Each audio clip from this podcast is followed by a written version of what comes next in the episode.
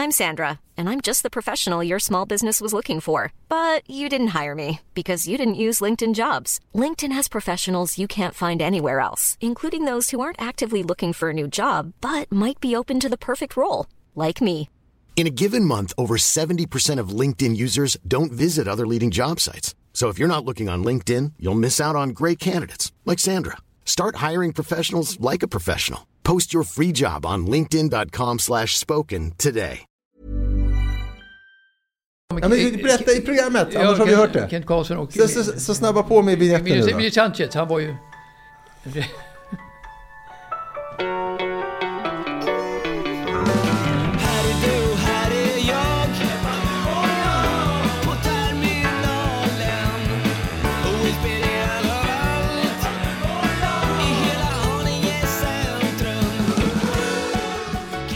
Välkomna, välkomna till Ekstedt Sport. Var det här lite töntigt? Jag tänkte att jag ska ta bort hjärtligt. Ja, du har, ju haft som din gimmick. Så Ja, jag- bytte du nu. Ja, men jag tänkte då, nu blir det välkomna, välkomna. Det lite, lite löjligt Be, eller? behåll en gimmick, vet jag. Gimmick är ju till för att hållas. Så, är. Hjärtligt välkomna till Ekstedt Sport. Hur mår ni? Hur mår Ja, Ola? men du brukar ju också ha energi där. Hjärtligt välkommen! Det är det som är grejen. Jag vet, men hur mår Olle? Ja, jag mår ju toppen. En underbar dag. Är det mer toppen än pingis? Eh, ja, det får jag säga. För jag spelar fotbollsgolf idag med några, med tre stycken andra. Bara Jesper och en. Gjorde en nä- nästan fulländad runda. En runda utan misstag. Och vann med Sex sju, slag. sex slag. Sex slag? Eh. Nej, sju slag, för du hade minus ett va? Ja, just det. Sju slag. Närmast. Jag var Otroligt. Jag missade ingenting. Det brukar Nej, men- alltid liksom svänga sådär. Alltså, Allt jag, jag har ju ingen fallenhet för, för nå, my- mycket. Alltså, jag är ingen fallenhet för golf, ingen fallenhet för, för tennis riktigt.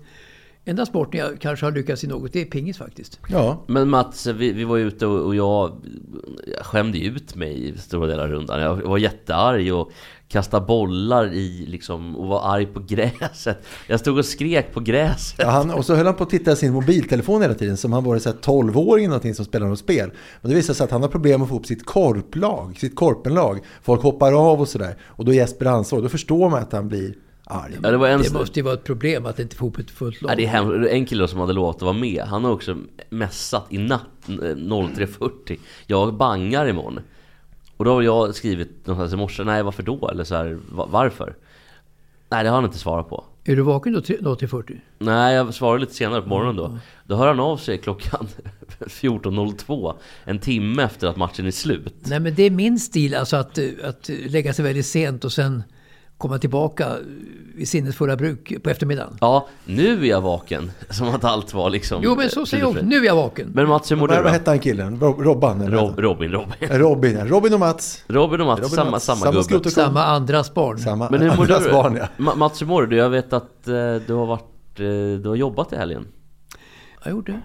Du har gjort eh, debut, eller premiär på Sportscom Ja. som eh, Ja, det- ja, det- kommentator. Ja, det, Jaha. ja, I det, matchen, var det Rögle-Färjestad eller vilken? ja, det var faktiskt Rögle mot Linköping. Eh, förlåt, eh, Rögle mot Växjö. Svenska mästarna mot Rögle. Ja. Och hur gick det då?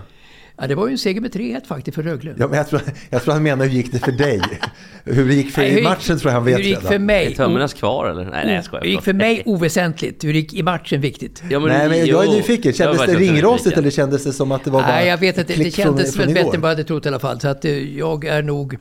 Hur- Till sägande s- sagt så går det mycket bättre för mig nu än vad, än vad det gjorde när jag jobbade. Ja, men hade, i vilken mån hade du pluggat på laguppställningar och sådär? Väldigt, väldigt intensivt alltså.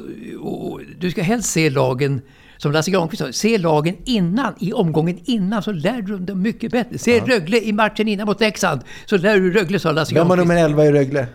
Nummer 11 i Rögle, eh, och nummer 11, ja, 10 vet jag, Abots, men 11 eh, tror jag inte finns där. Är, är, är, är Abbott, systrarna Abbott? Ja? Nej, A- A- Abols. A- A- A- Abols. Abols. Rodri, han är För de har väl slutat systrarna Abbott? Ja, det är jättekonstigt. Ja, för att han Rodrigo heter, Abbott. Han heter Rodrigo från Lettland. Det är Jaha. jättekonstigt. Han, han lämnade Örebro inför matchen eh, förra omgången eh, för Rögle.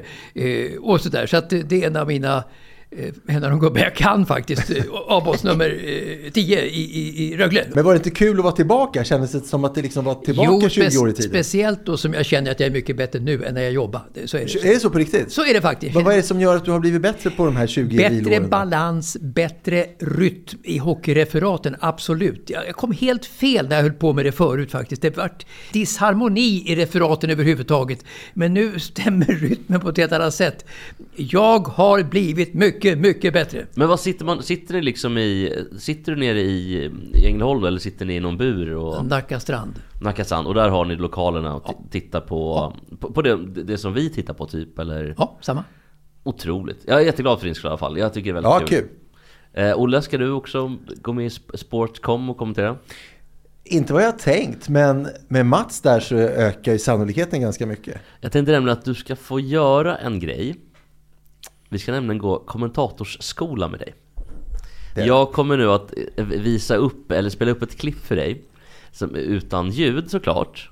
Och då ska du då kommentera helt enkelt vad som händer i klippet. På, på tvn som är här i studion. Ja, exakt.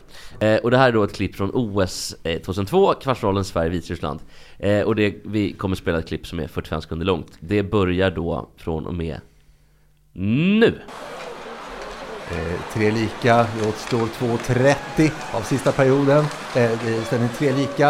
Eh, var det Lettland eller Vitryssland? Vitryssland pressar, passar bak till nummer 10, höger backposition. Tittar, skottar. Tommy Salo. Salo, Salo, Salo tappar in pucken! Tommy Salo gör en Tommy Salo och tappar in pucken via nacken. 4-3 till Vitryssland, en av historiens största skrällar. Kan vara på gång. Jag tycker det var bra. Vad tycker du? Ja, mycket bra, mycket bra. Det var bra. Jag tycker ändå det var 4 av 5. Var det det? Ja, 4 av 5. 6 av 5. Eh, hörni, vi måste gå vidare. Och jag vet Mats, du, du sprack ju nästan av iver och berättade om Kent Karlsson och... Hette han Ja. Källström eller? Nej, Jo, du, du, du nämnde Aranza Sanchez Vicario. Ja, ja. Ja, het, var det en Sanchez? För det var jag tänkte först. Alltså, jag sprack av eh, förväntningar. Sa du så? Att jag sprack eh, helt och Ja, hållet? Eller bara, princip- eller, eller, bara- eller, princip. eller, bara- eller bara delvis? Som ett korv, skinnen på en korv Ja, där för korvskinn sprack jag. Just det, jag ska berätta om Aratat, hans vikario. Ja, gammal tennisspelare som Ja. varit världselit i damtennisen på 80-talet. Jag trodde det var pingis. Och del av 90-talet. 1989 så vann hon ju franska mästerskapen. eh, Blott 17 år gammal faktiskt. Hon vann också franska en gång till. Och så vann hon eh, US Open eh, en gång och så vann hon ytterligare en gång i en Grand Slam. Fyra Grand Slam-turneringar. Förlåt, alltså franska tre gånger och US Open en gång. Grand Slam-facit för Arantxa Sanchez Vicario. Hon hade Eh, också två storebröder.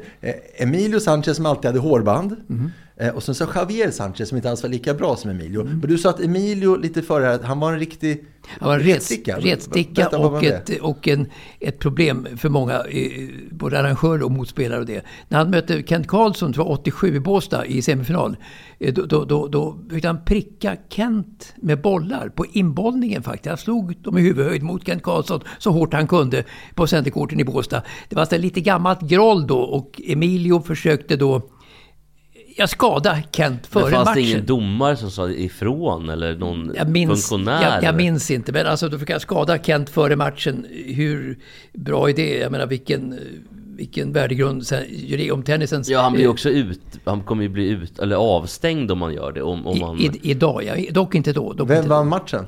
Ja, det vann ju Emilio Sanchez, vann mot Kent Karlsson faktiskt den här matchen. Alltså Wilander hade ju många kamper mot Emilio Sanchez. Och man visste då efter en timmes spel så orkade inte Emilio hänga med Mats långsamma bollning överhuvudtaget. Så att Wilander torskade också det första setet så vann han med 3-1 i set emot Sanchez i de stora mästerskapen. Och, och, eh, men han var kompetent Emilio Sanchez, dock inte alls i Aranchas Scientific Sanchez Vicarios klass. Eh, Alltså damer och herrsidan, absolut. Just och Aranza, Aranza Sanchez hade ju också en pryl som helt har fallit i glömska. Som jag trodde när hon började använda den skulle spridas inom damtennisen. Men det har inte gjort det. På samma sätt som de här eh, som har hand om Stockholm Open alltid tror att de här bollhovarna som bollkallarna har, de är så självgoda, stolta över dem. Så de har ju trott länge att snart kommer alla turneringar i hela världen ha sådana. Men det är ju bara Sverige och Stockholm Open som har det. Men den här uppfinningen som Aranza, Aranza Sanchez hade var det ingen som eh, tog efter heller. Det är bara hon som har haft det. Kommer ni ihåg vad det var hon hade? Jag minns inte det faktiskt, eh, hur jag än... Jag tror hon hade en sån där mask. Som de var på sån här wide shut ice partyn. Som man inte såg hennes ansikte så att eh, hon då skulle eh, förvirra publik och framförallt motspelare. Jag vet inte ens om gissningen var så bra. Hon, hon hade så, hon, hon, eh, mellan andra och, och första serven så tyckte hon att rytmen stördes. För killar har ju oftast en eh, andra bollen i fickan Så hon kan ta upp den snabbt. Eh, hon- men damspelare, när de har missat första serven, vänder sig ofta mot en bollkalle och får en extra boll. Hon tyckte att det bröt hennes rytm, så hon hade upp, eh, fastnat på höften en plastpryl där hon hade tryckt in andra bollen. Så hon hade en plastgrej Jaha. på höften Ja, det, med hade, andra det hade jag ingen aning om faktiskt. Det är, ny- det är en nyhet. Nu vet jag det. Nu vet Vad jag. spännande, för killarna ser ibland ut som att de har såna här lipom, alltså Ja, fettknölar Ja. på, på låren och sådär. Men, men ändå, jag håller faktiskt med om det, för att när man spelar tennis, rytmen blir jättedålig när man ska, för då har man ju kanske en boll i fickan eller två, och sen går man kanske bak och tittar, och då ska man hålla på med racket och bolla upp den. Jättestörigt. Jag vet inte om Mattis har varit med om det. Känns som att du har lämnat oss. Du tittar, tittar Jag djupt i tittar, papperna. alltså hennes eh, före detta man, de skilde sig 2019 faktiskt, denna eh, Sanchez Vicario. Ja, va- varför, och- varför tar du upp henne idag? Det är och, det vi och, ska och, och, hennes make hette Josef Santasacona och hon låg bakom, enligt henne, hennes olycka. Hon förlorade 400 miljoner. Hela sin förmögenhet lyckades exmaken eh, för, eh, genom dåliga satsningar eh, ta, att hon tappade 400 miljoner. Plus att hon är ställd inför fyra års fängelse nu för att hon har undanhållit tillgångar som, som Becker gjorde när Kronofogden, Kronofogden kommer på besök. Så att det handlar om en banker i Luxemburg de försöker liksom eh, ja, komma, komma ur, alltså eh, på något sätt ge- genom, genom ett falskt beteende. Så att eh, rättegången har börjat och hon hotas av fyra års fängelse, ungefär som Becker alltså i det här läget. Ja, och ungefär som Becker och exakt som Rubiales. Han hotas ju också av fyra års fängelse. Tänk om Aranza Sanchez Vicario och Ruba, Rubiales får, får dela cell. Tänk om de delar cell och gifter sig. För de får fyra års fängelse var. Det har varit helt otroligt. Vilken, vilken eh, solskenshistoria. Solskenshistoria. Men, men vilken skillnad då på. Rubiales som liksom i, i, i hettan över ett VM-guld i fotboll kysser en spelare på munnen jämfört med att lura en bank då. Eh, Och Becker också håller undan massa pengar för Kronofogden och det. Alltså jag tycker att det är skillnad. Visst är det det. Och- vi säga att vi, förlåt, men vi vet ju inte att Rubiales får, han kommer inte få fängelse. Nej, det här kommer, de kommer ju de lägga säger- ner det där. Ja, det kommer bli. Men Ja. han hotas av det i alla fall. Ja. Men apropå, ska vi ta det här med tennisspelare i fängelse? Visst var det så också att det var en 70-tals amerikan som hamnade i fängelse efter karriären? In, Roscoe Tanner. Roscoe Tanner va? Superservare. Han mötte ju Björn Borg i, i finalen 79 i Wimbledon. Borg vann med 3-2 i set emot Tanner. Men Tanner hade ett brok, brokigt flutet redan då. Och som affärsman så gjorde han sådana diskutabla, disk, diskutabla affärer. Så att han hamnade faktiskt i fängelse ett, ett par år. Ganska nyligen. Då kan han vara vigselförrättare när, han viger Aranza Sanchez Vicario och Han är någon form av överste... Men Birgitta Ed då?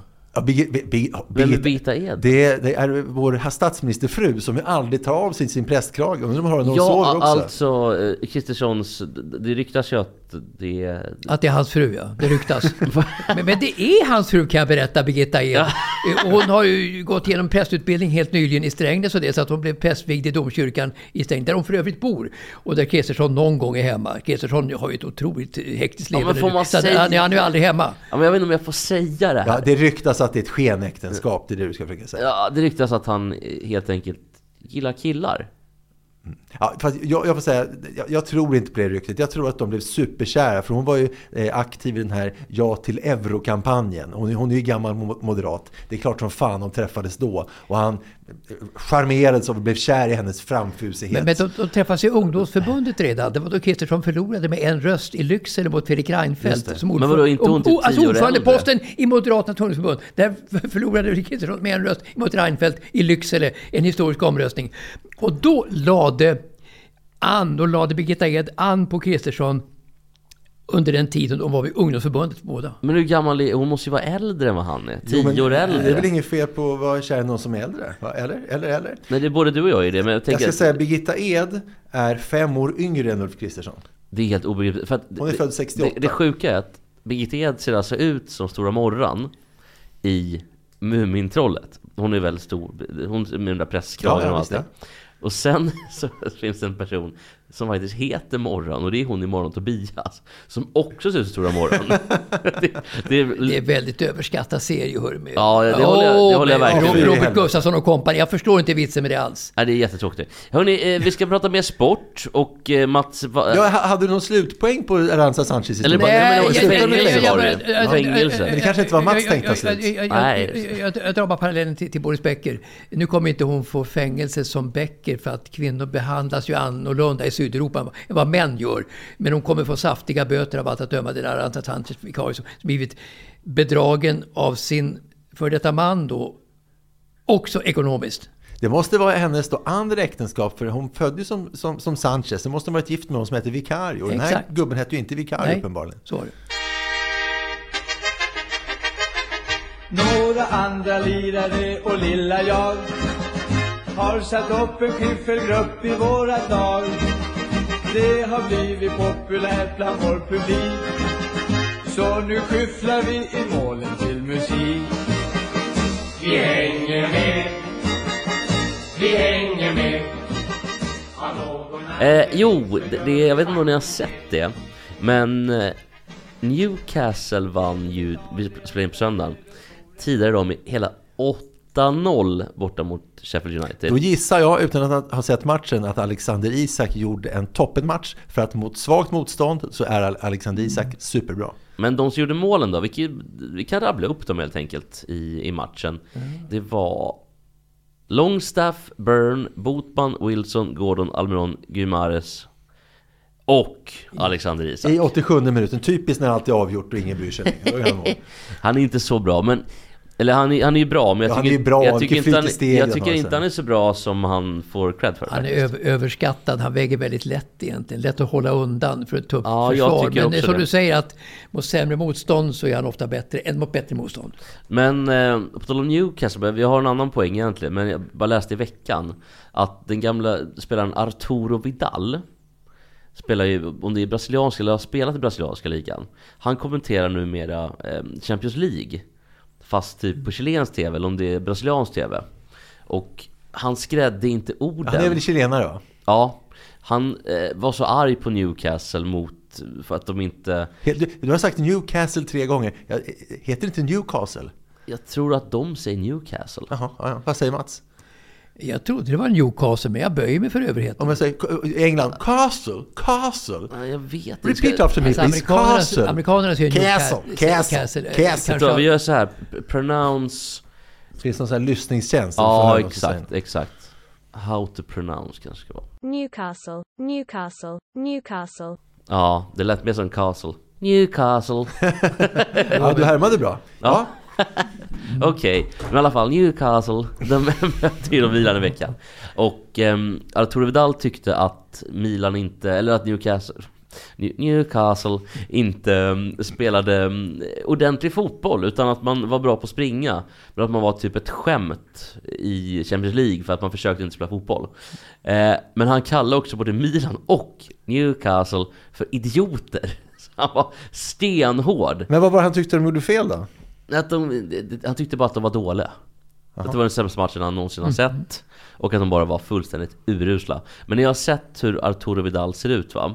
Ja, Ja, ja, ja, ja, visst, visst. En hemsk mohikanfrisyr gör- och tatueringar Ett överallt. riktigt råskinn på planen. Ja, herregud. han har kört rattfull och varit my- mycket sån skit. Nej, men också tuff på planen. Oj, oj. Ja, jättetuff. På gränsen faktiskt till anstötlig på planen. Men äh, i alla fall då, Newcastle vann med 8-0. Och jag tänkte att vi ska gissa, eller att vi ska minnas gamla eh, storvinster.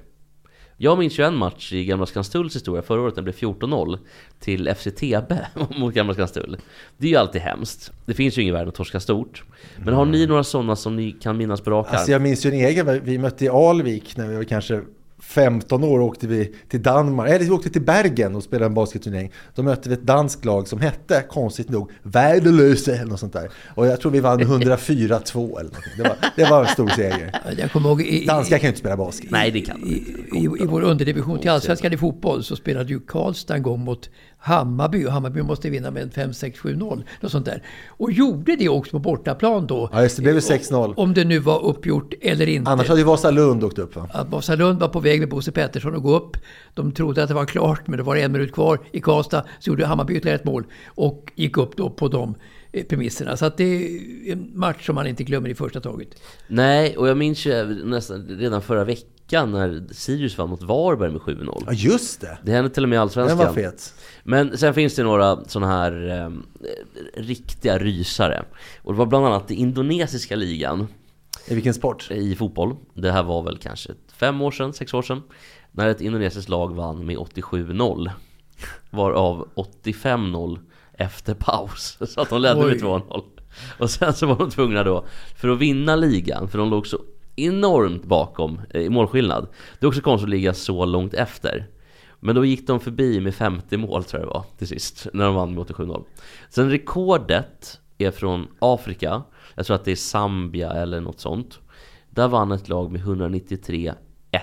Och Så det andra laget gjorde ändå ett mål. Ja, vad taskigt Och katten, och katten. Sen- också var det någon gång, så jag vet inte siffrorna, men det kanske Mats vet att det var någon, eh, har väl Mats Wilander berättat om, att det skulle- han skulle spela en uppvisningsmatch mot Ivan Lendl. Och Mats Wilanders Mm. racketar hade fastnat på flygplanet. Så bad han om att han fick låna ett racket av, en racket av Lendl, det fick han inte. Så han fick ta någon sämre träningsracket att spela med. Eh, och förlora, och, och då, kutym brukar vara att de spelar upp till fyra lika kanske. Och sen avgörs de som sista gamen. Lendl sopade bort honom med typ 6-1, 6-0 eller någonting sånt där. Och så frågade han efteråt, varför kunde jag inte fått låna en racket? Fan, det var- hade varit schysst. Nej, jag vill ju slå dig med så mycket som möjligt. Le- Lendl var, ju, de- Lendl var ju den typen som gjorde precis så. Var han tjeck, Lendl, eller? Tjeck, ja. Och fick Ja, sen, sen blev han amerikan. Från Ostrava var han. eh, Född 1960. Men, men Lendl var den här granithårda typen som inte lämnade någon pardon överhuvudtaget. Han försökte mosa varje motståndare, även i tränings, eh, uppvisningsturneringar. Vad spännande. Och sen så när han slutade spela tennis till slut, han höll på ganska länge, så var hans fru så glad, kommer jag ihåg. Hon sa så här, äntligen kommer jag få mer tid med Ivan. Men då fick hon snarare mindre tid med Ivan, för han satte sig på en karriär som golfproffs efteråt. Så han var bara ute och spelade golf hela dagarna. Och då blev han inte så bra, så han bara blev tokig och bara spelade mer och mer. Jag vet inte hur det slutade med Men han, äktenskapet. han, han vart ju inget bra i golf. Och då ställde ju frågan om golf då. Han var tydligen, när han började spela golf, han var ganska, eh, lite till, till åren faktiskt. Eh, Och så, där. så han var med i en sån här eh, eh, Europatourtävling i, i Prag en gång. Ja, just det, och, så där. och han hängde med bra de första hålen. Men så gick det ju naturligtvis inte bättre eh, sen. Så man kan ju undra då, vad är det som gör att de här proffsen i golf är så in i Norden ouppnåeliga och man börjar spela en aning sent? Vad är det som gör att man inte kan hänga med längre då man börjar när man är kanske 17-18 år? Ja. Och en, en koppling mellan andra tjeckiska tennisspelare och golf. Det är ju Peter Kordas eh, döttrar. De är ju världs, en dotter är typ världstvåa eh, i golf. Okej. Eh, En annan... Nelly Korda va? Jag tror det. Och så en dotter till som är duktig. Och hans son Sebastian Korda är ju topp 50 i alla fall i världen i tennis. Men, men du, du som är expert på golf. Är Nelly med Hur- hur- I eller hur- I? Vilken talang du än har då, vilket ju Lendl hade i golf. Hur kommer det sig att du inte kan lära dig spela golf om du börjar en aning sent? Vad är det som gör Ja, men är det inte så med- är det inte så att med alla är det inte så med att alla idrotter att man måste börja tidigt? för att det? Ja. Men, men, men kan man inte med... med Det är skidskytte som man kan börja med sent ja, om man men, är duktig på men med skidåkning. energi då i golf, går inte det att kompensera de här åren på något sätt? Man kan ju tycka det. men- Det har visat sig vara Men svårt. men vadå, det finns ju ingen fotbollsspelare som har börjat när man är 17. Alltså, det går ju inte. Masken Karlsson började spela hockey när han var 18 år. Ja, och sen har vi Mikael Nilsson som blev landslagsman. Han spelade väl eh, alltså, lägre divisioner fram till han Ja. var 25 år eller något sånt där. Men att masken inte... Han måste ha spelat något annat innan, Jo, jo, liknande. eh, fotboll. Men inte hockey Inte alltså. hockey. Det är intressant. Ja, Skriv in om ni. Jag vill höra undantagen. Om ni vet någon. Jag vill veta. Okej, men det var en släkting till det här med att torska stort. Det är när folk comebackar och är totalt värdelösa. Det finns ju såklart, Björn Borg är ju en sån typ. Som har comebackat och var totalt värdelös. Varför går inte det? Varför, varför, när man har lagt ner, har ni någon liksom... sporten har utvecklats så mycket. Man har hänger inte med. Alla sporter utvecklas, eh, utvecklas hela tiden. Ja men kan, kan det också ha någonting att göra med att man inte... För Michael Jordan tog uppehåll två år.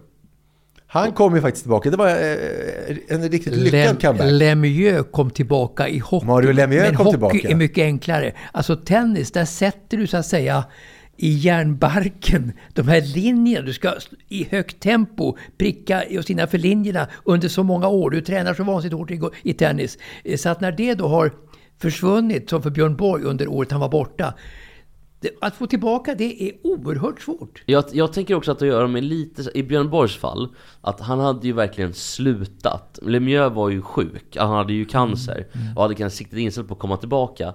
Borg hade, ville ju inte komma tillbaka, utan Borg ville ju supa och göra, göra annat. Ja, men han kände en saknad ändå över, över att stå i centrum eh, efter många, många år. Så han kände en stor tomhet eh, när tennisen var borta. Så han ville tillbaka till, ja, till nästan till varje pris. Men behöll sin gamla Dornay-racket då, som var absolut gammaldags och det. Så att det gjorde ju saker mycket sämre. I den första comebacken, han fortsatte Ja, sen, då tog ja. han faktiskt en modernare racket. Det men, men, i, i. Monte, i Monte Carlo när han gjorde sin första comeback, det var väl 93, eh, 83 i, i april tror jag, i Monte Carlo. Eh, där han förlorade mot en spanjor, eh, utklassad, eh, smärtsamt utklassad.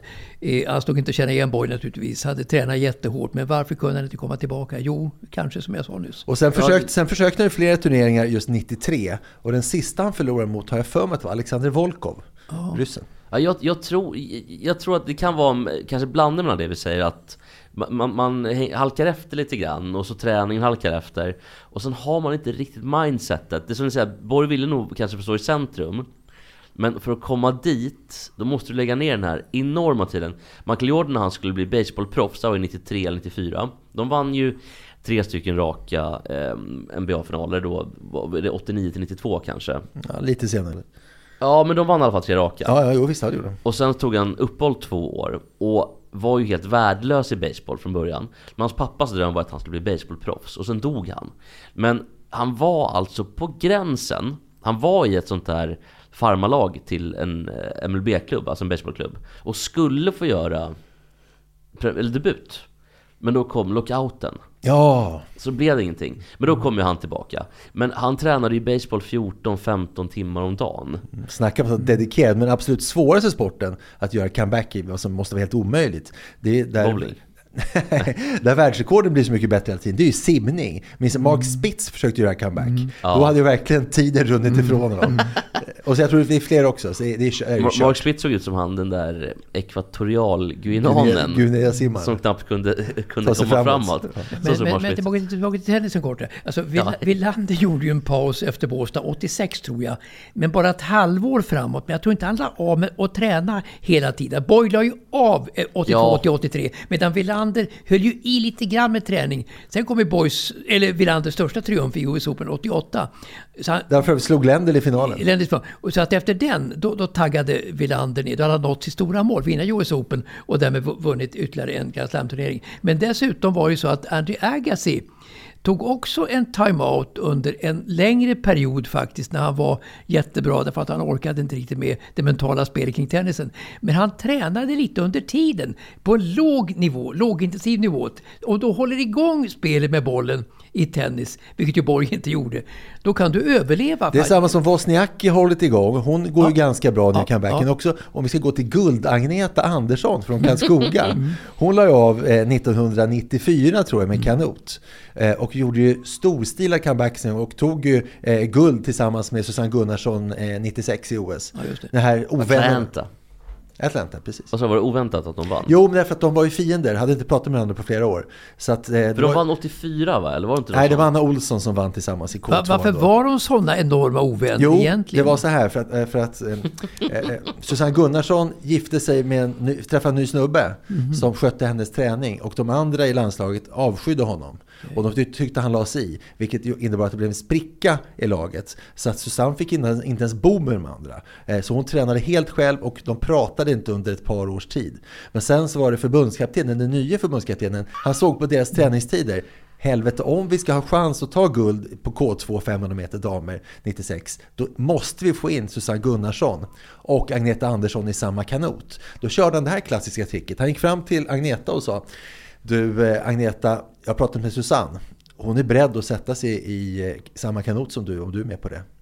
Ja okej, om hon är det sa han så. Sen gick han till... Ja, Susanne sa du Agneta, hon säger att hon är beredd. Ja, okej så. Så gick de och satte sig och sen så blev det OS-guld. Nej men det, det finns ju en annan sån historia, det var från eh, Manchester United eh, 90-talet, de var ju bäst i England och kanske bäst, eh, bland de bästa lagen i Europa och sådär eh, Teddy Sheringham och jag tror att det var Andy Cole man får, ingen får säga någonsin Teddy Sheringham utan att säga ja, han som spelar i Djurgården lite som 19-åring. Ja, förlåt. När Djurgården mötte Gais och vann kvalet. Ja, ja. Nej men, men Ted Sheringham i alla fall och, och Andy Cole då På under 10 års tid, eller om det var 15 års tid, så pratade de inte med varandra en sekund Åh jäklar, varför då? För att de märkte redan dagen ett, vi tycker inte om varandra De klickar inte helt enkelt. De klickar inte överhuvudtaget I'm Sandra, and I'm just the professional your small business was looking for. But you didn't hire me because you didn't use LinkedIn jobs. LinkedIn has professionals you can't find anywhere else, including those who aren't actively looking for a new job but might be open to the perfect role, like me. In a given month, over 70% of LinkedIn users don't visit other leading job sites. So if you're not looking on LinkedIn, you'll miss out on great candidates like Sandra. Start hiring professionals like a professional. Post your free job on linkedin.com/spoken slash spoken today. There's never been a faster or easier way to start your weight loss journey than with PlushCare. PlushCare accepts most insurance plans and gives you online access to board-certified physicians who can prescribe FDA-approved weight loss medications like Wigovi and Zepbound for those who qualify. Take charge of your health and speak with a board-certified physician about a weight loss plan that's right for you. Get started today at plushcare.com slash weight loss. That's plushcare.com slash weight loss. plushcare.com slash weight loss. pratar inte med varandra Men sen, man ser ändå på, när de gör mål Då är de framme liksom och kramas och allting Men då då är skill skillnaden då tror jag att kasta sig över varandra vid ett mål att sitta i samma kanot.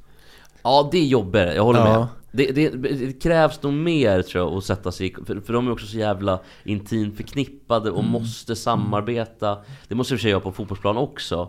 Men du kan ju till och med byta ut, i värsta värsta fall, så kan du byta ut Andy Cole in med Sheringham och tvärtom Ja, men han som byter flest klubbar av alla i hela världen nästan, det är väl Carlos Strandberg, Ja. eh, fotbollsspelaren. Han, han byter, han, har han varit i, ja, hur- han byter klubbar Var är han nu någonstans? Ja, det är är, ingen han som- i Ryssland eller? Nej, det, nej, inte i Ryssland. Men, men hur som helst, han, eh, han började ju slåss på plan va, med eh, Eh, Daniel Sundgren Daniel Sundgren. Ja. Och ja, de var inte goda vänner. Nej men Daniel Sundgren verkar ju också vara Men hade, de- hade de gjort ett mål då, Sundgren och Carlos Strandberg, hade de- deras lag, då tappar spelarna totalt alltså då, koncepten, då kastar de sig över varandra ändå vid Ja, mål. jag- jag och blir att så det- otroligt euforiska så att det finns, det finns inga gränser. Jag tror att det gäller alla utom Strandberg. Ska vi gissa vad han spelar? För det måste, det måste vara något, sånt- något perifert land. Något per, jag gissar på att han spelar i Cypern. Jag tror faktiskt att han spelar i Israel Jag kan googla Carlos Strandberg Spelar i ett turkiskt lag Som heter Hattiyaspor Som alla andra. ja. en, Ja, ändå Super League Ska vi kolla eh, att... eh, Ska, min, min halvbror Carlos Strandberg, med det vi pratar om nu. Ja, precis. ska vi... Hur har ni på släktmiddagarna? Ja, det brukar vara vanligtvis eh, inte så trevligt. Är det ju, julrim? Det brukar inte vara så trevligt det heller. Nej, Alltså, okej. håll i nu Jag tänkte vi skulle, jag och Matt skulle kolla dina, eller alltså kolla upp att... Eh, vad heter call på svenska? I call you, I... eh, Ja, eh, syna. Ja, sy- precis. Vi synar dig. Och han har alltså spelat i en, två, fyra, fem, sex, sju, åtta, nio, tio, elva, tolv, tretton. 13 klubbar har Carlos Sandberg spelat i. Ja, det är fantastiskt. Det är ju jätte, jättemycket. Och det är alltså inom loppet av 11 år. Och ändå, jag, jag som är hans halvbror inte en aning. Det är så märkligt. Eh, Okej, Ma- eh, Olle. Vad vill du ha för vignett? Ja, jag vill ha en vignett.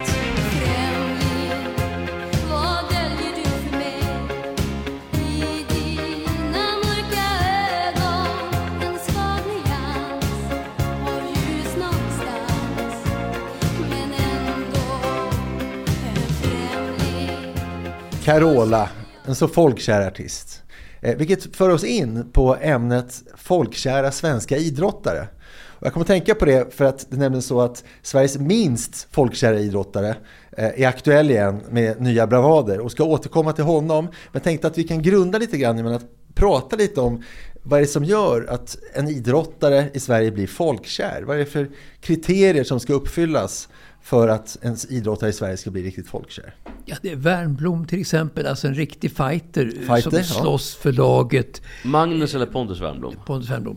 Eh, Och, och, och, och som eh, offrar sig själv för laget. Det är ju myt, mytom, mytiskt i Sverige att offra sig för laget. Det gjorde väl också Magnus Wernbloom, men han bytte ju klubb va, till slut. Så han var lite svikad där mellan Modo och Skellefteå. Ja, precis. Men, men jag... Han, Så svika lag blir inte folkkär? Eller är Nej, det- men han... Provinsiellt eh, folkkär i Örnsköldsvik tills det där. Alltså han var väldigt, i Västernorrland så var han väldigt folkkär. Men jag skulle också säga att jag, jag slänger in en till faktor. Mm. Och det är att dialekter är viktigt. Dialekter, gärna i norra Sverige. Ja. Inte helt fel med Dalarna. Precis, och Pontus Wernbloom är ju då göteborgare, en god gubbe. Och han snusar och det finns vissa så här svenska attribut, väldigt liksom folksjälsattribut. Till exempel då den här stora prillan som han hade. Ja men precis. Och så pratar väldigt lite, och du får inte vara för smart heller. Utan du ska ju inte se ner på pöben. Utan du ska ju vara någon som kan passa in i pöben. Ja, alltså Glenn Hussein då till exempel. Han är ju en riktig inkarnation av det vad svenskarna gillar så att säga. Ja. Han är en fighter, han är enkel, han är slagkraftig. Och det är röva han, han, är färgstark och snackar som folk gör mest. Ja, och sen så ska man ju heller inte vara gnällig och gärna en kämpe. Stefan Schwarz är också folkkär ju. Så när, liksom, när han spelar vidare med brutet ben. Det, det, Ja, även Stenmark, fast Stenmark säkert var så här grinig och trött och ville inte prata med media och så läste han in den där värdelösa hunden och benet. Men ändå, det finns något så här, man biter ihop. ja. Och det, det tror jag, det är också en sån där, Wassberg folkkär också. Gunde, motsatt. Absolut inte Gunde, men, men, men Wassberg som du säger, han är ju Men Gunde är jättefolkkär. Men Bo- Borg och Nu, Stenmark. inte då alltså, Borg var inte populär alls egentligen under sin, under sin karriär. Medan Stenmark i förhållande till Borg växte ytterligare i popularitet. Man såg hur Borg var, då var ju Stenmark ännu populärare. Och man såg också Ja. det här med då, eh, vad som var viktigare, ansågs viktigare då förr, med att man ska betala skatt i Sverige. Och då blev, Borg fick ju ta den stora smällen där. Också Ingmar Johansson många år före honom när han, när han flyttade till Schweiz i slutet på 50-talet. Eh, Men Stenmark blev ju mycket mildare behandlad när han lämnade till eh, Monaco för att slippa betala skatt. Men det är också en grej, man ska betala skatt i Sverige. Christian Olsson och alla tennisspelare på 80 och 90-talen, de flyttade ju faktiskt också till Monte Carlo för att slippa Ja, betala där är Men inga det- problem samma. För Anja var ju väldigt folkkär och bodde i Monte Carlo eller Monaco. Så Ja. att då var det ju inga Ja, problem. då hade, då hade det släppt. Stig Sand inte folkkär. Nej, För och, dålig dock. ja, han var inte så dålig. Han vann slalomcupen. Men han är mera beräknade Strand för sin fortsatta karriär på något sätt att bli folkkär. Men Stenmark hade inga ambitioner att bli folkkär. Därför blev han folkkär. Och Ja. om man tar rent statistiskt så finns det en som idrottare som är mest folkkär. För att där svenska folket röstar fram den populäraste idrottaren, då är det ju Magdalena Forsberg som har tilldelats Jerringpriset hela fyra gånger. Mm. Hon klickar också in på de här norra Sverige. Hon tvärtom, hon är vältalig. Och hon, men hon är också, hon är fortfarande inte en astrofysiker. Nej, just det. Utan hon är lite såhär melodikrysset smart. Ja, man kan prata med henne över en middag. Och det accepteras. Men hon är naturligheten lyser igenom tycker jag. Att hon är ärlig och naturlig. Hon gör sig inte till på något sätt. Och det tror jag är väldigt viktigt. Att vara som du är. Och det är Stenmark och Magdalena Forsberg. Ja, för Ako, alltså Anna-Karin Olofsson, som sen bytte namn till Anna-Karin Olofsson Sidex, så Akos. Just det. Och Hon var ju också, höll ju på att bli väldigt folkkär. Ja, Hon var från Sveg, det var också rätt. Liksom, rätt Ja men det är, är inte Madeleine också typ från Sveg? Nej, det är hon inte riktigt. Var är hon ifrån då? Inte Sveg. Ska vi kolla var hon är ifrån? Sveg, de här curlinglaget, de kom från Sveg. Då. Sveg. Och sen Erik Ekstrand är från Sveg också, han eh, programledaren. Ja men det är väl fler som är från Sveg? Det, är väl, äh, även Mats äh, har ju sommarstuga uppe Ja, i att Sveg. Ekstrand är från Sveg, det visste jag inte. Det är en nyhet för mig. Ja. Intressant nyhet Och att du har en bror som är Som svart som som heter till- Carlos Strandberg, också en Ja, nyhet det, för det, dig. det, det, det visste ju jag till, med nöd och näppe att jag har en halvbror som heter Carlos Strandberg. Men att, att, att, att, att Ekstrand var från Sveg hade inte en aning. Nej. Nej, vad var du mest chockad över? Att ha en halvbror som heter Carlos Strandberg eller att Erik Ekstrand är från Sveg? Erik Ekstrand från Sveg. Nej men äh, Magdalena Forsberg är från Örnsköldsvik. Ja. Men det är ändå den här liksom ganska väna norrländskan. Det är inte för mycket, för att jag tror att idag hade Stenmark haft tuffare. Och slå igenom. Tror det. Om om vi tar dialekter då. En dryg skåning, eh, eller någon som har en dryg skånsk dialekt, kan han eller hon bli folkkär? Henke Larsson Henke, är ju folkkär. Hen- Henke Är Larsson han folkkär? är kanske Ja. inte så folkkär. va? Han är ju dryg som bara den. Ja men han var folkkär för Ja. han var bra i Celtic Men så, så fort han blev tränare och började öpp- öppna käften Då försvann Ja, folkkärleken jag, jag, jag skulle säga att jag, nej, jag tror inte, jag tycker inte han var så folkkär. Gunnar Larsson till exempel, Nej, dryg skåning, var han folkkär? Nej, alltså inte, simmaren, inte OS-guld och riktigt. Han var, han var VM-guld. beundrad men inte, inte så folkkär. Eh, Tillbaka till Henke då. När han öppnar käften, inte folkkär. Kan man bli folkkär efter att ha åkt dit för doping? Nja, Thomas Johansson, Thomas Johansson, var ja, ju precis. tämligen accepterad. Inte folkkär, men accepterad. Ludmilla Precis, det är Ludmilla jag tänker på där. Så efter eh, cancerdiagnosen gjorde comeback på DN-galan 1999. Alltså, eh, stadion, aldrig, aldrig har en stadion jublat så mycket. Hon bugade, hon grät, hon sprang och hon vann. För ett första gången hon mötte Sanna Kallur i samma lopp. Kallur kom sist. Eh, men eh, hon, och, hon, alltså, hon körde också hela den här svensk grejen till eh, förbanden. Så alla frågar bara hela tiden, känner du, hur svensk känner du nu? Hur svensk känner du dig nu? Så hon tvingades, hon satte ju på såna här dalahästar som örhängen. Ja. Hon hade målat nagellack i svenska färgerna och hela tiden sa, nu känner jag mig svensk, nu känner jag mig svensk. Jag är väldigt svensk på dagen Men, Ja, men, du, liksom- men du, om du råkar ut för en olycka eller sjukdom så blir du väldigt populär. Jo, men sen också på Idrottsgalan det året, år 2000 sen, eh, då fick hon alltså sitta med kungen och Silvia. Så hon var ju drottning av Sverige. Hon var så alltså folk som är lite yngre tror jag inte fattar hur, hur stor hon var. Det alla inte vet är att de hade ju en tävling med som var sämst på svenska Mellan drottningen och drottningen Vem förlorar? Nej, Det blev faktiskt dö- oavgjort. Dött lopp, dött lopp. Oavgjort. Vet du vem som förlorade? Kungen Men det finns en, Kungen förlorar som vanligt. Kungen förlorar alltid eh, apropå det här då, eh, fallet Ludmilla ger oss ju då automatiskt svar på frågan om man måste vara svensk från början för att bli folkkär. Och då är ju svaret nej, men då, då är det ett kriterium som behövs. Och vilket är det?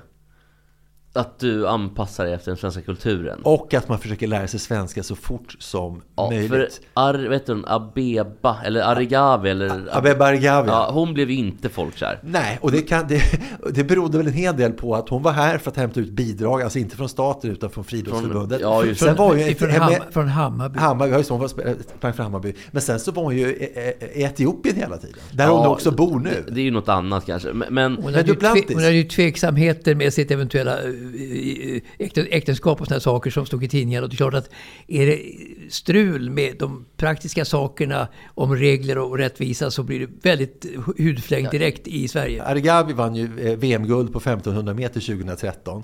Eh, Och svenska folket var verkligen berett att ta henne till sina hjärtan. Hon fick samma frågor från, från eh, reportrarna. Hur svensk känner du? Känner du svensk? Men hon gjorde ju inte som Ludmilla. Hon försökte inte göra sig svensk. Och hon var, var jättetråkig inför medierna. Och, och sen så... Hon, hon sket ju helt, hon sket i oss helt Ja, enkelt. Ludmilla och då blev hon ju inte folk ja, men Ludmilla, Ludmilla hade Hon var väl väldigt snygg, Abeba Argavi. Men Jo, så hon, ja, hon hade ju möjligt. förutsättningarna. Det är möjligt, men Ludmilla hade väl också liksom en naturlig karisma någonstans Arigavi hade väl karisma som en stenvägg Alltså det, det är lite skillnad tycker jag Men, men i... alltså, he- hennes guld negligerades, i alla fall inom friidrotts-Sverige, eh, tämligen kompakt. Hon hade dålig nimbus i Sverige överhuvudtaget. Så att Ludmilla satt med kungen och drottningen. Det var så typiskt de åren. Integration var ett hedersord för offentligheten, inklusive kungafamiljen på den tiden. Att, att kungen tog till sig henne då vid samma bord tyder ju på eh, den, det, det, det, det läge som var i Sverige när det handlade om att integrera eh, främmande länders... Ja, och det var ju så viktigt också, för Sverige var ju inte alls en stor friidrottsnation på den tiden. Så att, eh, det var ju Bengt Westerberg som var ordförande i Friidrottsförbundet här. Han såg det ju som att det var i nationens intresse att hon skulle bli, få ex, snabbspår att bli medborgare. Så hon blev ju medborgare snabbare än vad hon egentligen skulle bli. Eh, och hon tog ju då också mycket riktigt Sveriges första kvinnliga OS-guld i friidrott någonsin. Och bara tillbaka till eh, Argavi, jag vet att eh, Nu vet jag inte om någon har slagit hennes svenska rekord, men Malin Evelöv ansåg ju fortfarande att hon hade svenska rekorden efter att Argavi hade slagit hennes rekord. Ett ord till om Bengt Westerberg. Det är ju Sveriges största invandrarvän någonsin genom tiderna. Vad säger han idag? Ja. Jag vet inte. Jo, han- ja, men han, han, han står ju fast vid sin... eh, Han, han är, han är eh, stabil. Ska, ska vi jag- försöka, så här, ska vi försöka eh, eh, avsluta det här momentet med folkkärlek genom att lista Sveriges populäraste idrottare genom alla tider. Mest folkkära idrottare Åh, genom alla kul. tider. Ja, ja, men vi, ettan har vi väl nästan va? Är det Ingmar Stenmark? Nej, Nej. Magdalena Forsberg skulle jag säga. Ja, det är nog Stenmark ändå tror jag. Stenmark, I, i, kraft av sin tradition och historia och alltihopa det där. Ja, Han försvinner ju aldrig ur rampljuset. Magdalena är ju visserligen med På spåret flera gånger eh, och så vidare och är kvar lite i offentligheten på det. Men Stenmark kommer aldrig att försvinna, i alla fall inte under vår livstid och det är Han oslagbart. är ju större och, och Sverige stod ju still och så vidare. Och, det är det man skämtar om i Sällskapsresan att eh, till och med kaptenen pratar att Ingmar Stenmark är trea i, Ja, i just det. Madonna. Alltså, så det, det är klart att... Eh, Men om vi också har ett historiskt perspektiv också lite grann. Snoddas, bandyspelaren som ändå hade ett par SM-guld i bandy. eh, Med, eh, Hade det igen, hade det. hade igen, hade, han var väl otroligt folkkär? Alltså, det får vi vända oss till Mats. alltså, hur, det, var, det var i januari 1952 som Snoddas med sitt Bollnäs skulle spela final emot Hammarby på Stockholms stadion. Och då, När var det här, sa du? Alltså i januari 1952 så var det match mot Hammarby med, med, med sitt Bollnäs då. Han var i Stockholm för att spela match på söndag. På lördagskvällen gick då Hylands, eh, eh karusellen med Lennart Hyland eh, på radion. Och eh, då lyckades Torsten Adlerby få in honom i programmet om det fanns en möjlighet att klämma in honom så att det inte blev för tajt med, med men det var tydligt att någon hoppade av då under kvällens lopp som uppträdare. Och då fick alltså Snoddas hoppa in och sjunga Sus Hadrian hade i slutet på Flotta programmet. kärlek då. Flotta kärlek och det blev en sån dundrande succé som stod sig i alla tider. Alltså Snoddas kunde ju inte riktigt sjunga. Ja, men han var med i Hylands hörna också, det var där han slog igenom. Hylands hörna, men det här var Karusellen då, 52. Ja. Ja, ja. Det var där han slog igenom i stort. Ja, just det, Hylands radioprogram. Hylands radioprogram 52 i Karusellen. Och sen var det så också att eh, Torsten Adlerby som nu är avliden, och Hyland är avliden, att de lurade Snoddas, i alla fall Torsten Adlerby, på väldigt, väldigt mycket pengar på sin folkparksturné då. Alltså, Just det, han hade en manager som, som blåste honom. eh. Torsten Adlerby eh, blåste Snoddas på jättestora pengar då. Men gillade att sjunga då. Ofta med forsen som ackompanjemang som han sa. Jaha, men jag vill också säga, han hade också ett utseende som inte finns längre. Om man tittar på gamla lagfoton på eh, ja, vilken sport som helst egentligen på 30-talet, 40-talet, 50-talet. Jag skulle säga över hälften, kanske två tredjedelar av utseenden, oavsett om det är damer eller herrar, de utseenden har försvunnit. Ja, Och det är inte bara, mycket- det är inte de- bara frisyrer. De ser ju mycket, mycket, mycket äldre Ja, det är en Precis, sak. Och sen har de inte fixat tänderna, alltså han, hans tänder är ju som... Vad var det, någon som Birgitta Dahl, att de hade kastat in tänderna i käften va? Ja. Och lite så Ja, men alltså ju- nu så hade han ju fått en tandställning, men jag tycker ändå att folk ser inte ut så. Alltså han ser ut som den här Dennis the Menace, alltså Denniskorven Dennis. Ja, just det. alltså som, som, börjar, som bråkar med farbror Nilsson, eller vad han? Men- men- ja, peddot i, i, i liksom grann, i grannskapet. Men du, du hade en poäng där faktiskt, att, att om man tittar på AIKs eh, lag i fotboll på 60-talet eller slutet på 50-talet, alltså på så gamla alfabilder som fanns då. eh, eh, Det var ju en tablettask och så var det alfabilder i. Man köpte, kastade tablettasken och tog, tog alfabilden bara och, och sparade på den och så vidare. Alltså de var 20, 21, 22 år och såg ut som man gör när man är 40 års ålder nu. Det är otroligt märkligt. Nu är det unga grabbar i Allsvenskan som, som ser unga ut. Då var det gubbar Ja, som var ja, men jätteunga. verkligen. Men, men, men varför det? Eh, vi- ska vi en till då? Vi måste bara knyta upp listan då. Eh, Andreas Granqvist, nog fan, alltså under en veckas tid, Ja. då var han lika folkkär som Stenmark. Men jag tänker också det är skillnad här. Jag vet inte om Granen var folkkär eller om han var landsfader. Alltså okej, För, landsfader för kanske. folkkär är ju att du är en, en del av folket. Granen var ju något helt annat, alltså han var ju liksom eh, nationens... eh, Ja, men så här, hade det varit om Sverige hade varit republik och vi hade haft presidentval, eh, då hade kanske Granen vunnit valet. Granen hade kunnat, alltså Granen hade varit ungefär lika populär som Trump är Ja. i USA. Men Alltså, mer, om vi tar till listan då. Charlotte Kalla skulle kunna vara med också, eller hur? Pia Sundhage, när hon var förbundskapten för Sverige. Ja, men nu tror jag att Pia... Nej, jag är inte säker på det. Jag tror Pia retar gubbarna ute i stugorna. Okej. Jag tror. Magdalena Forsberg, kvinnorna gillar henne för att hon är ingen hot, för att det är en trevlig tjej.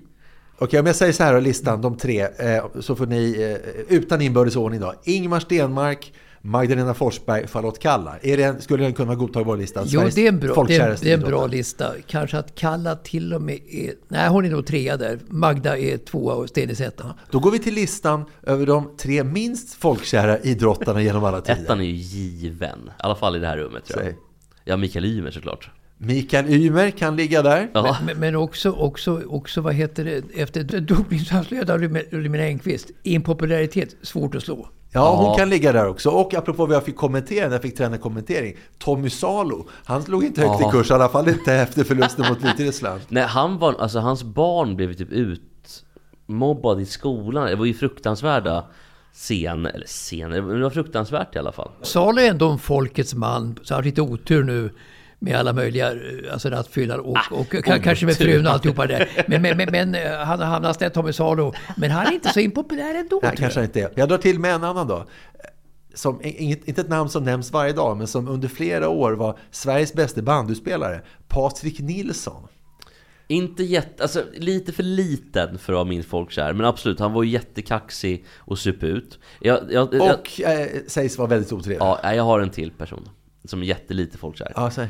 Antonio Lindbäck, speedwayföraren. Ja, Ja, han fyra rattfyllor ligger ute på pluskontot. hatar, Och han hade någon historia med någon tjej i Krylbo och allt vad det var. Jättelite folkkär. Jag har en till som eh, inte eh, som få kommer ihåg, men folkkär icke. Lars-Anders Wahlstedt. Tennisspelaren som under apartheidregimen bröt eh, mot, ja, man skulle åkte till Sydafrika och spelade tävling på Ja, och 80-talet. så gjorde de ett skämt om det i Smash sen. Jaha. Kommer du ihåg Lars-Anders Ja, Wahlstedt? jo, jo, jo. Ja.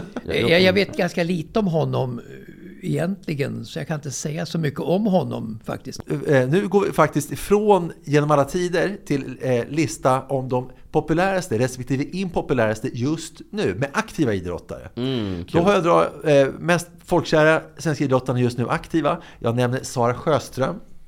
Hon är väl där uppe. Jag, jag, jag, får, får Mer jag, än Therese Alshammar. Therese, hon har ju i och för sig lagt av. hon är åt andra listan skulle jag, inte så folkkär. Nej, vad- betyder att Sjöström är Sara? Sjöström är nog mera beundrad än folkkär, tror Det jag. tror jag, okej. ja. Mondo Duplantis är väl den där uppe eller? Det är han faktiskt, ja. Daniel Ståhl.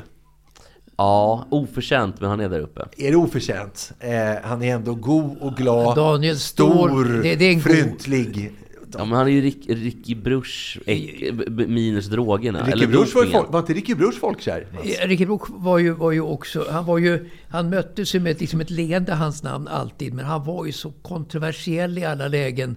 Eh, Han roade massorna på något sätt, men var folkkär. Eh, mer- Kanske inte. Han var en roare, en kul kille, en, en, en clown eh, som sta- stack in på stadion under landskampen, hade klätt ut sig till någonting och så vidare. Så att folk skrattade åt honom som en färgklick som bröt av mot tristessen. Han var ett det. gladiatorspel. Ja, så var det. Han bröt Ja. mot tristessen. Eh, Har ni några fler exempel på folkkära just nu? Ja, Aktiva? men, men det måste finnas, alltså fotbollslandslaget är ju helt borta nu. Men jag tror att Isak ändå är lite där uppe.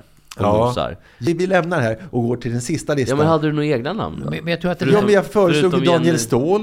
Men däremot, däremot Robin Olsen är inte speciellt populär tror jag. Eh, De sa om honom att eh, gå och peta på honom och se om han lever. Va? Jag, jag menar, det är det så. Peta på Robin, är det en människa eller inte en människa Robin Olsen? då kommer vi inte till, populär. Då kommer vi till den sista listan, nämligen de minst populära, eh, de minst folkkära idrottarna nu aktiva. Du kom in på Robin Olsen, han ligger kanske där. Ja, jag har en annan som jag tror nästan kan slå Mikael Ymer. Och det är Jonas Jerebko. Ja, som skrev på för. CSKA Moskva, alltså basketspelaren. Mitt under brinnande krig. Victor Nilsson Lindelöf. Li- Lika charmig som en plåtburk. Ja, men det, precis, men, men det är inte... För de andra är liksom lite illa omtyckta. John Guidetti är illa omtyckt tror jag. Till exempel. Illa omtyckt ja. Jätteilla Ja, fast, omtyckt. fast vi, vi får inte glömma det icke folkkär det handlar om. Nej, jag- jag- John Guidetti var ju folkkär när de vann eh, JVM-guldet. Ja, men nu tror jag folk har tröttnat på den här, liksom, den här brytningen och allt han håller på med. Henrik Stensson, Ja, han är också har tappat... han är väl inte folkkär? Han har tappat i nimbus som man skulle säga. Jag drar ett namn till. Tobias Montler, inte folkkär. Nej, men han är för liten också. Vet någon vem han är? Ja, jag minns ingen intervju med honom heller som jag Ja, kan han är relatera till. Ja, Ja, ja, Truls- ja, alltså, intervjuer säger ju en hel del tycker jag, man lyssnar på TV och det. Men Montler, Montler- Montler är supertrist. Inte sägande också. Men varför jag tog upp hela det här med folkkära, det kommer vi till nu. Nämligen för den minst folkkäre har nu förstått att han inte är folkkär. Alltså han har, lämnar ju till och med Sverige. Jag pratar förstås om MMA-fighten Khamat Ah, Chimaev. Ja, ja, ja. Han kom till Sverige som asylsökande, som 17-åring, på flykt undan regimen i Tjetjenien. Men det där med flykt var det nog lite sådär si och så med eftersom han har tillbringat mer tid där än här nästan och inte sällan med, med Tjetjeniens diktator Kadyrov. Eh, Kadyrov som ju kallas för Putins attackhund. Eh, och då är det lite kul att, eh, att Chimaev i sin tur kallas för Kadyrovs tama hund. Så det är mycket, mycket hundsnack där faktiskt. Och de har hängt mycket tillsammans. Han har tränat Kadyrovs söner i kampsport. Och de har supit mycket och bott på hans palats och sådana grejer. Så att så mycket skyddsbehov från Tjetjenien tror jag knappast han har haft. Dessutom har han dömts för misshandel av en vakt på Åhléns. Eh, och det här med att han umgås med en diktator i en rysk enklav, eh, döms eh, och är supersur. Är inte han ändå etta på listan över Sveriges minst folkkära idrottare? Jo, och Kadyrov, bara för, så att folk förstår. Jag tror att jag kan ha berättat det här förut i podden. Men, men bara för att folk fattar hur, vilken sjuk människa Kadyrov är. Det sägs ju att han har byggt fängelset i då den tjetjenska huvudstaden Grozny. Nej, är det Grozny? Jo, Grozny. Jo, Grozny. Eh, så att palatset är riktat mot fängelset. Och så att fönstren, det är helt öppna fönster Så att fångarna ska kunna se när Kadyrov eh, sätter på brudar i, i presidentrummet Men ämbetsrummet, ja det Kadyr- sägs att det är så Hamnade Kadyrov i koma alldeles nyligen? Ja, eller så var det ett rykte bara. Han är sjuk ja. Ja, ja. Han är nog sjuk, jag, jag vet inte men Men vad säger fångarna då, då när han hamnar i koma? Jublar de då? Nej de har ju inte, de, de har inte Nej men då ser jag att killen rasar ihop och hamnar i ja, koma. precis. Jublar fångarna då? Nej, de har ju inte haft självreflexer nu på hur länge som helst de får inte se, se den här groteska liveshowen va Utan det, Men i alla fall, har, har nu sagt att han säger upp sitt svenska medborgarskap. Men han går inte tillbaka till Ryssland och Tjetjenien utan eh, han väljer pengarna i Förenade Arabemiraten. Så att nu har han framöver... sagt upp sitt medborgarskap? Ja, hans manager säger det, men skattemyndigheten säger att han fortfarande står registrerad. Men managern säger att han inte är svensk längre, utan nu ska han tävla för Förenade Arabemiraten. Vad säger ni om detta? Men det kan han väl få göra? Men vad- vil- vilket bra liv han får då. Vad mycket pengar i Förenade Arabemiraten och en sån där kille som lyckas så bra i MMA. Ja, det är bara att gratulera. Vilket fantastiskt liv som ligger framför Jo, den men killen. kom- kommer vi svenskar sakna eh, Chimaev? Nej, alltså topp tre sporter med usla människor I, Tyvärr, jag vet att ni gillar boxning, men boxning är ju naturligtvis med där Det är bara till Mike Tyson dömd för våldtäkt Det här får vara din lista, inte vår. Mm, Nej, det är min lista. Eh, jag, jag, jag, ni ska få ett dare av mig, ett bet. Och säga en bra människa som har boxats. Tvåa på listan, amerikansk fotboll. Det är mord, det är han, vet han, Aaron Hernandez som själv blev mördad. Roland Tigen Eriksson, Håkan de Nock Brock, eh, Anders Liljen Eklund. Alla trevliga killar, eller hur? Ja. Absolut, i alla fall lillen trevlig. Ja. Ja.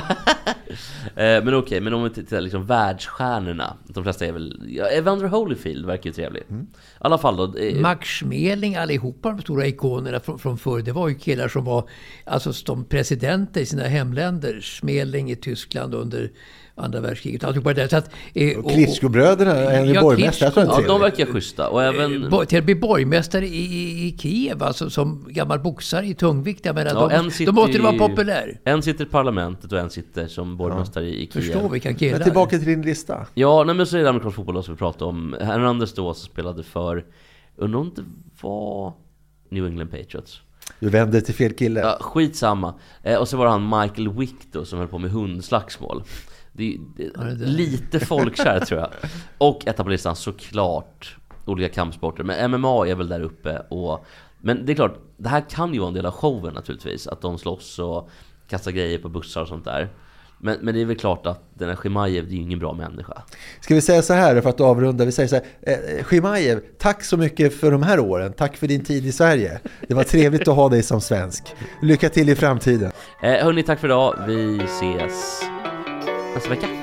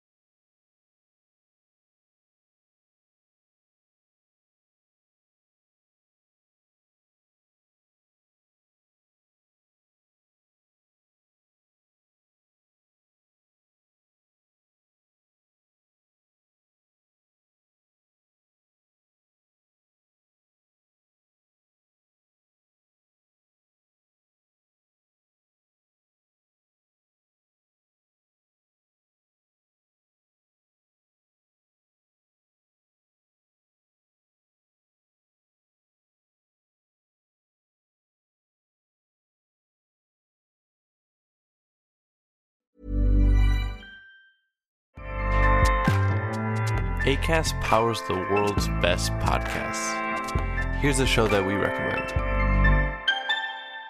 The Real Housewives is a guilty pleasure for most, but if you're looking to not feel guilty about that pleasure, tune in to Everything Iconic with me, Danny Pellegrino, where I break down all the messy moments and behind the scenes antics of Bravo's popular franchise. And on Everything Iconic, I also interview celebrity guests like Kelly Ripa, Kiki Palmer, Drew Barrymore, Cameron Diaz, and more about their guilty pleasures, their past work, and so much more.